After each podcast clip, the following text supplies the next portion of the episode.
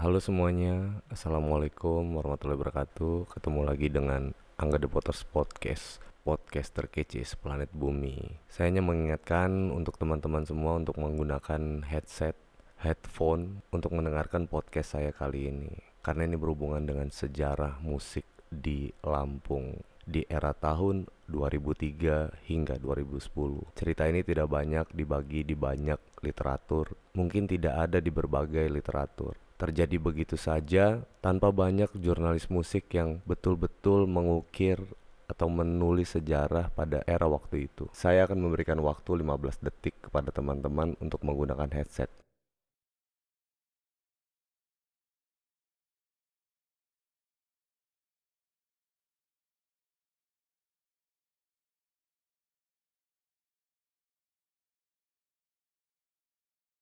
Semua dimulai pada tahun 2003 ketika band-band indie Lampung bermunculan ke permukaan, namun masih dalam suasana kompetisi. Ketika itu kompetisi musik menjadi barometer utama bagi musisi-musisi di Lampung. Karena ketika kami menang festival musik Maka band-band independen itu akan mendapat pengakuan dari masyarakat Lampung. Wajar saja kalau kompetisi menjadi barometer ketika itu namun, beberapa band bahkan komunitas berinisiasi untuk berbuat sesuatu untuk Lampung. Tujuannya adalah untuk mengharumkan nama Lampung di kancah industri musik tanah air. Artinya, musisi Lampung ketika itu ingin naik kelas dari band Lampung menjadi band nasional. Apa jembatannya? Jembatannya adalah karya. Karya bisa disampaikan melalui perusahaan-perusahaan rekaman atau akrab disapa dengan label. Masuk label adalah mimpinya anak-anak band. Semua band, penyanyi berbondong-bondong untuk bisa masuk ke label. Ketika itu label dikuasai beberapa perusahaan rekaman yang kita kenal dengan Big Five. Sony Music, Warner, EMI, kemudian ada Universal, ada beberapa perusahaan label lokal seperti Musika, Aquarius, dan lain-lain. Dan dari sinilah semua cerita itu dimulai. Seorang sahabat kami bernama Febriarsa Ulangan atau akrab sekali kami memanggilnya dengan Embi. Embi memiliki band bernama No Partitur, biasanya disingkat dengan NP. Band ini sering membuat karya bahkan membuat album bersama bandnya pada waktu itu. Namun selalu kurang mendapat apresiasi dari masyarakat Lampung tentunya. Akhirnya Embi membuka literatur lewat beberapa majalah. Di sana terdapat literatur keilmuan yang mengajarkan hal yang bersifat komun atau perkumpulan atau komunitas biasanya kita sebut. Dimulai dari British Invasion, kemudian Seattle Sound. Nah, Seattle Sound inilah yang paling mempengaruhi pemikiran Embi pada waktu itu, di mana band harus kuat dari kotanya sendiri. Kemudian Embi berpikir untuk membuat komunitas di Lampung bermula dari mengumpulkan teman-teman yang satu visi. Visinya adalah label waktu itu, di mana semua band berkumpul berdasarkan karyanya, kemudian bersama-sama berjuang menuju ke arah sana. Pada waktu itu Embi berkuliah di kampus Trisakti di Jakarta dan di situlah Embi ketemu dengan Rajo. Rajo inilah yang memberikan bimbingan kepada Embi, kemudian Rajo dengan sukarela bersama-sama dengan Embi menuju Lampung untuk membangun visi misi yang diinginkan oleh Embi, yaitu komunitas. Why Rajo? Karena Rajo adalah pelaku sejarah musik independen di Jakarta di era 90-an. Di eranya Pestol Air, Naif, dan kawan-kawan. Masih banyak lagi band-band Jakarta independen yang meramaikan musik independen di Jakarta di kala itu. Rajo adalah salah satunya. Untuk membangun sebuah komunitas artinya butuh bridging atau jembatan atau alat pemersatu. Apa itu? Itu adalah karya kembali yang diusung kali ini dalam bentuk kompilasi. Tapi berbanding terbalik dengan kondisi yang ada. Ketika itu, musisi-musisi di Lampung belum mengenal home recording. Apa itu home recording? Home recording adalah rekaman yang bisa dilakukan di rumah. Kami dulu mengenal recording di studio dengan biaya shift yang mahal, dengan biaya operator yang mahal, dan seluruh SDM-SDM yang mahal. Take drum, harus sewa studio dan lain-lain hingga menyebabkan uh, karya menjadi terhenti karya menjadi stuck nggak bisa bikin karya percuma bikin karya nggak bisa direkam dengan keilmuan Rajo Rajo mengajarkan kita semua untuk bisa home recording dimulai dari Embi tentunya Setibanya mereka di Lampung, destinasi mereka adalah pasar seni. Pasar seni merupakan tempat berkumpulnya musisi-musisi Bandar Lampung pada waktu itu. Musisi-musisi Lampung keseluruhan karena di situlah pusatnya festival dan pagelaran musik diadakan. Di sana tempat bertemu, berkenalan, mengenal musisi satu sama lain dan banyak sekali musisi Lampung yang ada dan lahir dari tempat itu. Kebetulan band saya waktu itu Jenderal sedang manggung di pasar seni dan di situlah awal perjumpaan kami dimulai. Embi ngajak kami ngobrol, santai, ngopi, lalu mengutarakan niatnya untuk membentuk perkumpulan band-band yang satu visi untuk sampai ke label tanpa harus bersaing. Kali ini perkumpulan ini dibentuk untuk saling mendukung.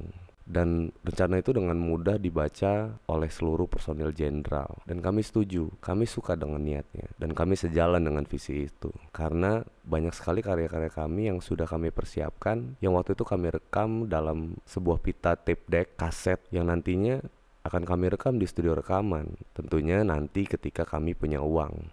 Yang nggak tahu kapan punya uangnya. Yang jelas kami punya karya yang sudah kami catat dan kami rekam di sebuah pita rekaman melalui alat tape record.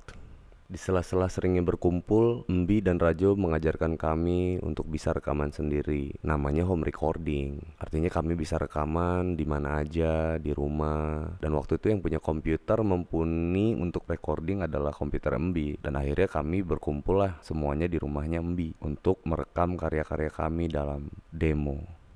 Hari-hari kami kami habiskan dengan merekam karya dan berkeliling ke studio-studio, memperkenalkan home recording. Dari situlah kami bertemu dengan band-band. Salah satunya adalah BAG. Ketika itu ada Andi dan Alos yang pengen rekaman. Kemudian Embi mengajak Alos dan Andi untuk bergabung di visi misi yang sama. Kemudian mereka ikut bersama kami dan lagi-lagi kami perkenalkan home recording hingganya membuat dan mempercepat karya kami. Satu tahun pun bergulir, hingganya tidak terasa banyak band yang sudah bergabung bersama kami, seperti Alias, Getting Wet, Seven Sky, Eugene, dan beberapa band lainnya. Semua bergabung tentunya dengan visi misi yang sama. Ketika karya-karya kami telah selesai direkam, kami berjuang bersama-sama, tidak langsung ke label. Kami berjuang di kota kami sendiri. Siapa pun yang manggung di antara kami, kami akan menonton. Kami mencontoh Seattle Sound pada waktu itu. Tidak ada penonton, tapi kita punya sahabat-sahabat, teman-teman yang menonton kami secara bersama-sama. Itulah kekuatan kami pada waktu itu. Dilemanya adalah tidak ada media yang mendukung kami. Tidak ada satupun korporat yang mendukung kami. Hingga akhirnya kami betul-betul berjuang sendirian. Tanpa henti, tanpa henti. Tidak ada panggung, kami buat panggung. Tidak ada alat, kami pinjam-pinjam alat. Tidak ada media, kami bikin media. Tidak ada uang, kami patungan. Hingga akhirnya kami meyakini bahwasannya tidak ada yang akan bisa menghalangi langkah kami kecuali gempa bumi pada waktu itu. Namun semua hal itu adalah kekurangan kami dan kami sadar betul itu adalah kekurangan kami. Maka setiap hari kami tanpa henti, tanpa lelah, memohon kepada media untuk bisa meliput kami, radio, kami kirimkan demo untuk bisa memutarkan lagu kami. Kemudian beberapa korporat waktu itu yang paling sering membuat acara adalah perusahaan rokok. Rajo waktu itu melakukan analisa bahwasannya rokok yang paling sering mengadakan festival, rokok yang sering mensupport acara event musik adalah waktu itu Class Mile. Taunya dari mana? Tahunya dari flyer-flyer dan spanduk-spanduk yang hampir setiap minggu ada perusahaan itu adalah rokok kelas mile. Dari situlah Rajo secara tidak sengaja bertemu dengan manajer promonya pada waktu itu bernama Mas Intana bercerita tentang apa komunitas ini. Komunitas ini berdiri berdasarkan visi. Visinya adalah sampai keinginan dan kemampuan kita pada waktu itu sejalan apakah sejalan dengan perusahaan itu. Dan ternyata di semua perusahaan-perusahaan rokok ketika itu yang paling peka terhadap musik adalah rokok kelas mile. Hingganya hanya perusahaan itulah yang mensupport kami. Artinya kami tidak meminta bayaran kepada perusahaan rokok itu. Namun perusahaan rokok itu memberikan bantuan dalam bentuk apa pun untuk kebutuhan-kebutuhan promosi yang kami lakukan Misalkan panggung, agenda rutinitas panggung kami hampir semuanya diakomodir oleh perusahaan rokok itu. Hingganya tercipta chemistry antara kami dan perusahaan rokok itu. Waktu itu produk andalannya adalah Class Mile, rokok baru. Hingganya mungkin itu tercipta simbiosis antara kami dan rokok itu. Artinya kami butuh promosi, rokok itu pun butuh promosi. Seiring sejalan kami lakukan hingga kami bingung menamai perkumpulan kami itu apa. Waktu itu, Rajo menamai kami Classer. Apa itu Classer? Classer adalah city laser, alat penghalus filter teknologinya perusahaan rokok. Hingganya semudah itu, sesimpel itu bilang Classer. Dan karena sudah dibiasakan bicara seperti itu, hingganya kami pun anak band yang nggak tahu apa-apa pun terbiasa mengucapkan nama itu.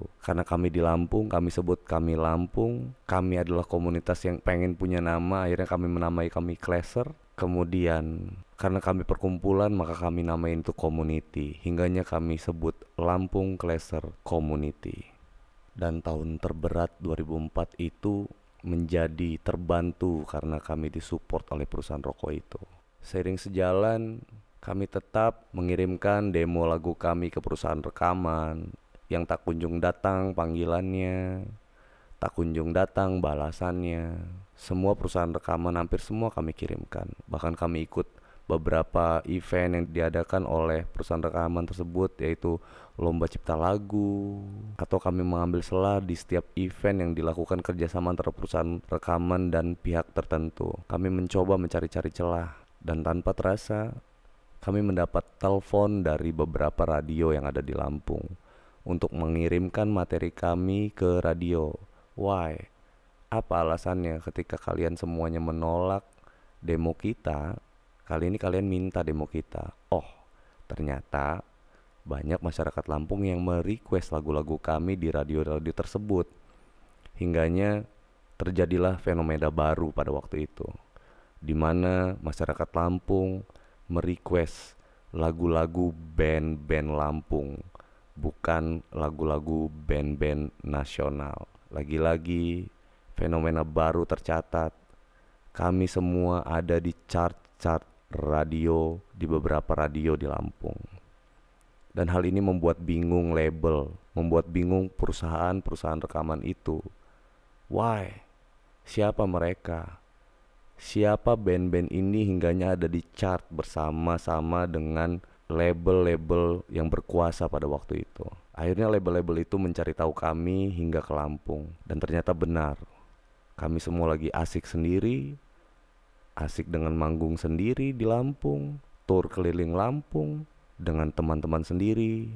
Sungguh begitu indah ketika itu. Hal-hal yang awalnya kami anggap sulit, tapi karena kebersamaan membuat kami menjadi nyaman. Dan pada akhirnya kami berpikir untuk selalu bikin karya, paling tidak masyarakat Lampung suka dengan karya kami.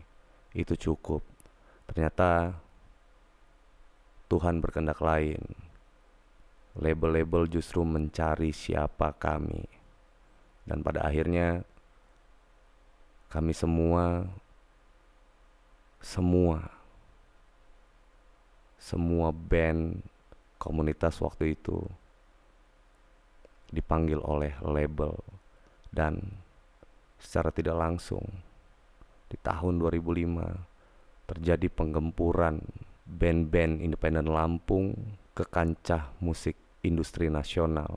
Dari komunitas kami Jenderal dikontrak oleh PT IMA Indonesia. Kemudian udara dikontrak oleh RPM BAG dikontrak oleh Music Factory alias ketika itu bersama-sama di Emot Life Wanted. Kemudian ada Eugene yang ketika itu masih sibuk bikin karya, masih sibuk bikin karya. Dan Ricky ketika itu memutuskan untuk bikin studio recording. Artinya dia berbisnis recording. Ricky memikirkan sudut pandang bisnis waktu itu. Siapa yang jagain teman-teman semua nantinya kalau kita pergi kata Ricky. Sampai akhirnya gue mau bikin recording aja deh artinya buat support juga kan teman-teman yang pengen bikin lagu-lagu di Lampung. Oke, okay. Salon Sky waktu itu bersama YB atau Wannabe, saya lupa. Dan kejadian itu cukup menghidupkan musisi-musisi Lampung lainnya. Lahirlah Kangen Band dari Lampung dan dikontrak oleh Warner Musik Indonesia kemudian Hijau Daun, pecahan dari daun band yang sangat populer di Lampung, dikontrak oleh Sony Music dan kemudian disusul oleh band saya kali ini The Potters yang dikontrak juga dengan Sony Music. Dan tahun 2006 terjadi perilisan beruntun band-band Lampung di kancah musik nasional. Diawali dengan perilisan Kangen Band. Hijau Daun The Potters Jenderal, Udara, NP berubah menjadi Udara, Seven Sky berubah menjadi Salon Sky, kemudian BAG bersama Music Factory dan KFC-nya, dan masih banyak band-band lain. Masih banyak juga penyanyi-penyanyi solonya seperti Budi Doremi. Ada juga band terdahulu yang sifatnya personal Mas Robi Fangi Kopral dan beberapa pemain instrumen lainnya yang masih eksis di kancah di kancah nasional maupun internasional seperti Mas Firman, gitaris asal Lampung. Entah apa yang terjadi ketika itu Lampung begitu sangat populernya dan tanpa kita sadari apa yang kita perbuat cukup membawa dampak efek di stakeholders bisnis lainnya. Seperti yang pertama dalam bisnis fotografi, Ketika itu Jenderal bersama Daun Foto Digital yang mensupport Jenderal dan teman-teman lainnya untuk membuat album, mensupport foto, dan teman-teman akhirnya menjadi saudara dan alhamdulillah tempat foto di Lampung menjadi sangat-sangat populer dan ramai dikunjungi oleh teman-teman. Artinya industri itu menjadi hidup. Yang kedua, home recording banyak sekali bermunculan di Lampung dan menjadi bisnis ketika itu hingga saat ini. Dari sudut media radio banyak yang berinvestasi di radio Lampung, berfranchising seperti OS dan Radio Nanti Niners waktu itu yang sangat populer dan radio-radio lainnya yang menjadi banyak pendengarnya dan banyak requestnya dan hidup sekali lagi hidup di Lampung. Kemudian terima kasih juga untuk koran Lampung Pos dan Radar Lampung yang sangat-sangat mensupport kami semuanya hingga kami juga pun bersahabat dengan media koran ketika itu dan TV lokal menjadi banyak program yang aware sekali dengan musik, aware sekali dengan masyarakat Lampung, Lampung TV ketika itu. Dan bermunculanlah kembali TV-TV lokal yang lainnya. Dan banyak industri clothing yang pada masa itu menjadi hidup dan tumbuh bekerja sama dengan musisi dengan mengendorse dan cukup meningkatkan penghasilan dari setiap distro-distro yang berdiri pada waktu itu. PT Nojorono Tobacco Internasional dengan rokoknya kelas yang begitu besar hingga saat ini. Penjualan rokok tersebut meningkat, rokok tersebut menjadi populer, dan nama Kleser menjadi nama yang bersifat nasional. Tidak ada yang menyangka ternyata dampaknya menjadi sebesar ini. Dan kami cukup bangga dan waktu itu kami pun turut hadir dalam pengesahan nama Kleser di Hatro Cafe Jakarta. Oke kita balik ke era musisinya. Kami senang kami ada di label. Tapi secara tidak kami sadari ternyata sebenarnya kami dibunuh. Kenapa bisa bilang dibunuh? Karena tidak ada regenerasi kami selanjutnya di tahun-tahun selanjutnya. Kekosongan terjadi di tahun 2010 hingga saat ini.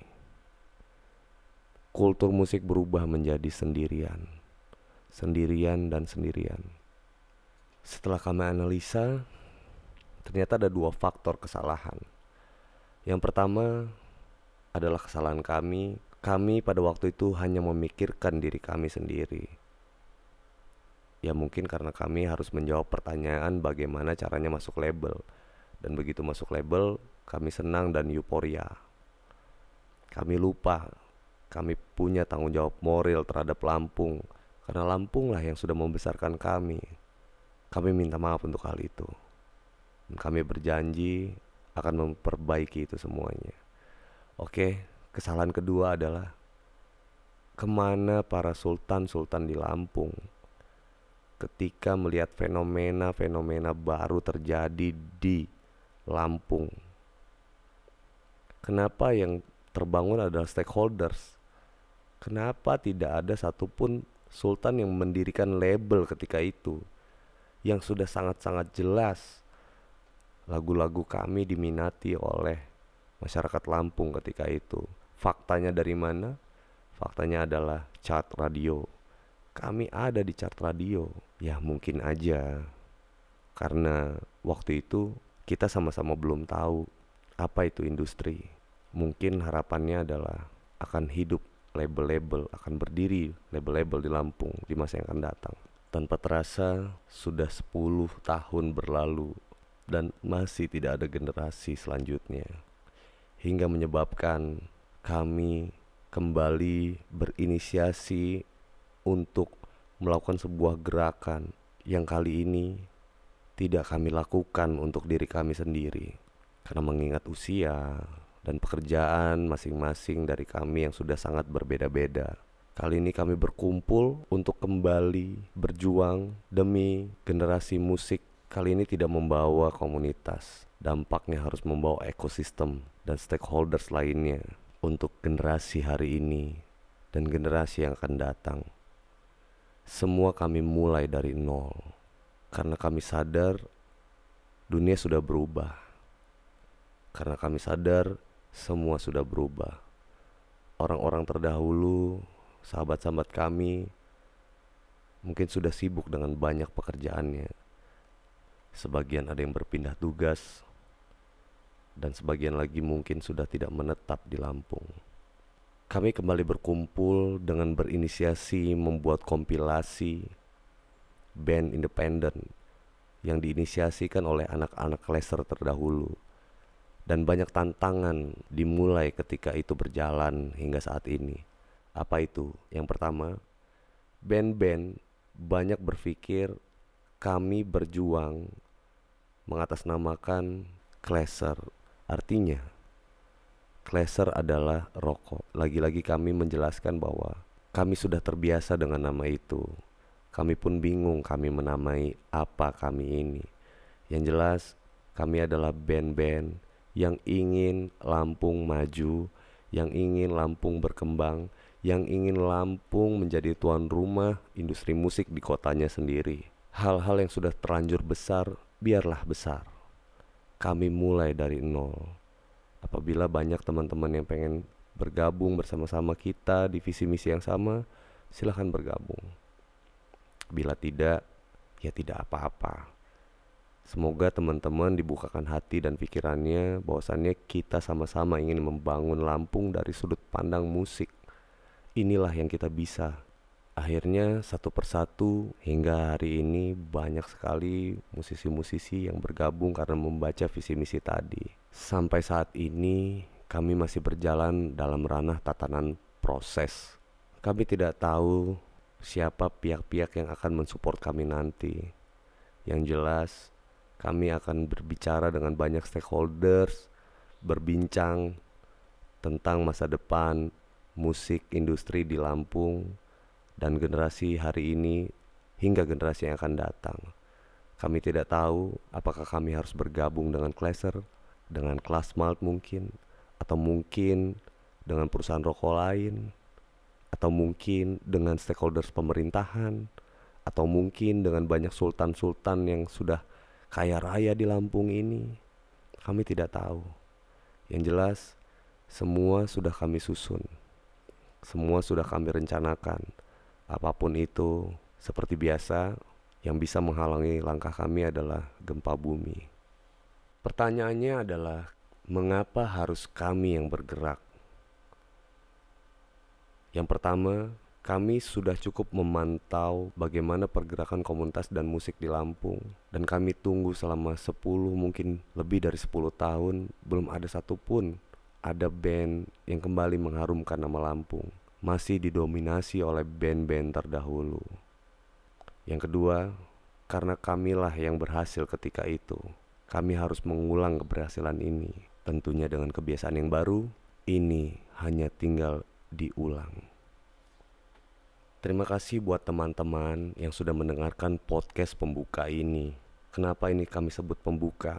Karena selanjutnya teman-teman akan menikmati sajian-sajian di YouTube YouTube channel teman-teman band independen Lampung yang kembali bangkit dengan merangkul seluruh teman-teman musisi yang lama maupun yang generasi selanjutnya. Kita akan sama-sama melihat karya-karya teman-teman semua yang hadir, baik itu lahir sebagai konten kreator ataupun musisi di YouTube atau mungkin di aplikasi-aplikasi streaming. Kita akan sama-sama menyimak, mendengarkan, dan menikmati karya-karya itu selanjutnya mulai hari ini dan seterusnya. Dengan ini saya mohon maaf kepada banyak pihak yang sudah disebut namanya, kepada banyak pihak, kepada teman-teman yang belum disebut namanya atau tidak disebut namanya dalam podcast ini. Semua ini saya lakukan karena semata-mata hanya untuk mengungkap sejarah, hanya untuk menceritakan sejarah ketika itu. Semoga ini menjadi manfaat untuk generasi hari ini dan yang akan datang. Bismillahirrahmanirrahim untuk segala niat baik ini. Kami berharap banyak stakeholders yang membantu. Kami berharap teman-teman musisi hari ini bergandengan tangan untuk bisa membawa Lampung menjadi tuan rumah industri musik di kota sendiri. Kami berharap teman-teman musisi di seluruh kabupaten yang ada di Lampung untuk bergandengan tangan, saling merangkul, saling mengenal, saling bekerja sama dan saling berkolaborasi. Kami berharap banyak sultan-sultan yang percaya diri untuk membangun industri musik bekerja sama dengan musisi-musisi di Lampung. Dan kami berharap Lampung menjadi hidup dengan peta kekuatan musik yang layak diperhitungkan untuk Indonesia. Teman-teman, terima kasih. Cinta Lampung cinta Indonesia, cinta musik Lampung, cinta musik Indonesia. Assalamualaikum warahmatullahi wabarakatuh.